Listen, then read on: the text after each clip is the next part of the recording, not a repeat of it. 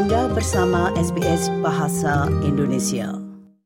Pendengar, kualitas udara bergantung pada tiga faktor, yaitu jumlah polutan, kecepatan pelepasannya ke atmosfer, dan berapa lama mereka terperangkap di suatu area. Oleh sebab itu, asap akibat kebakaran hutan sangat berpengaruh terhadap kualitas udara. Biro Meteorologi memperkirakan bahwa 70 persen kemungkinan pola cuaca El Nino akan terjadi lagi tahun ini. Dan pola cuaca itu akan membawa cuaca yang lebih panas dan kering dan dengan itu dapat menyebabkan kebakaran hutan dahsyat yang dapat menyelimuti sebagian area dengan asap tebal selama berhari-hari. Saat ini Amerika Utara telah mengalami kondisi itu dan telah mengakibatkan kebakaran hutan besar-besaran yang terjadi di Kanada. Kondisi berasap itu berbahaya dan bisa menurunkan kualitas udara.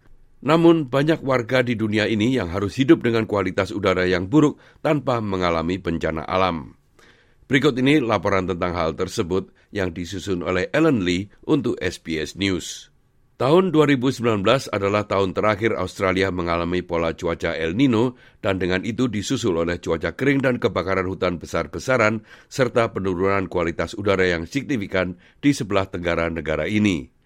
Julie Ovens berbicara kepada SBS menjelaskan dampak asap dari kebakaran hutan yang berjarak 50 km dari rumahnya di Victoria terhadap kesehatannya. Imagine the worst cold you've ever had, and when you're really snuffly and finding it hard to breathe, then try and pinch your nose so you've lost half of your breath, and then imagine sucking through a straw. Namun, bagi penduduk di beberapa negara, kualitas udara yang buruk merupakan bagian dari kehidupan mereka sehari-hari. Jeremy Sarnat adalah profesor kesehatan lingkungan di Rollins School of Public Health Emory University di Atlanta, Georgia. Even though this is very severe and it is an exceptional event for um, millions of people living in the Northeast U.S., these types of exposures and much higher levels of exposure are, are typical for millions, if not um, close to billions of people in other parts of the world. So you know, we kind of have to kind of keep that in perspective and to contextualize that this is a severe air pollution episode in the US, but um, it's fairly typical for what millions and millions of people experience in other parts of the world. Menurut perusahaan kualitas udara IQE yang mengumpulkan pembacaan dari stasiun pemantauan permukaan tanah di seluruh dunia, tahun lalu 9 dari 10 kota dengan rata-rata partikel halus tahunan tertinggi berada di Asia, termasuk 6 di India. Partikel halus yang disebut sebagai PM2,5 itu mengacu pada artikel atau tetesan udara lebih kecil dari 2,5 mikron. Itu jauh lebih kecil dari rambut manusia, dan partikel itu dapat mencapai jauh ke dalam paru-paru, menyebabkan iritasi mata, hidung, tenggorokan, dan paru-paru, dan bahkan mempengaruhi fungsi jantung. Cecep Supriyadi tinggal di Jakarta dan mengatakan setiap hari bisa menjadi perjuangan untuk bernapas di sana.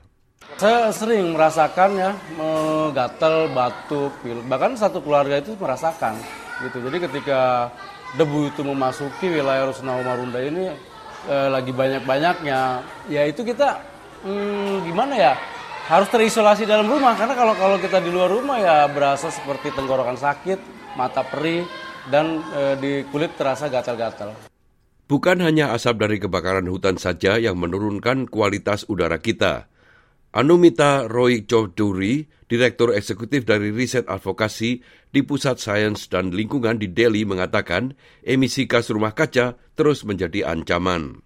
When we look at the pollution levels in New York today, that how connected the world is, that each and every city may try its best to clean up, but the global atmosphere and the common airshed, unless we are able to take action on each and every source of pollution and mitigate that, then all of us are vulnerable. Even if we are able to do things within our own boundaries, but uncontrolled emissions elsewhere will still come and impact us. Penelitian di Australia menunjukkan ada alasan kuat mengapa kita perlu menjaga kualitas udara setinggi mungkin. Para peneliti di University of Tasmania mengidentifikasi hubungan yang jelas antara kualitas udara yang buruk dan serangan asma.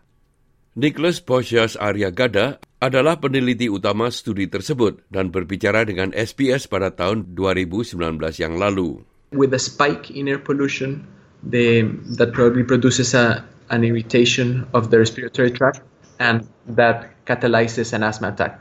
Ia mengatakan studi di Tasmania juga menemukan bahwa mereka yang paling rentan adalah wanita, siapa saja yang berusia di atas 65 tahun, dan mereka yang memiliki masalah pernapasan sebelumnya.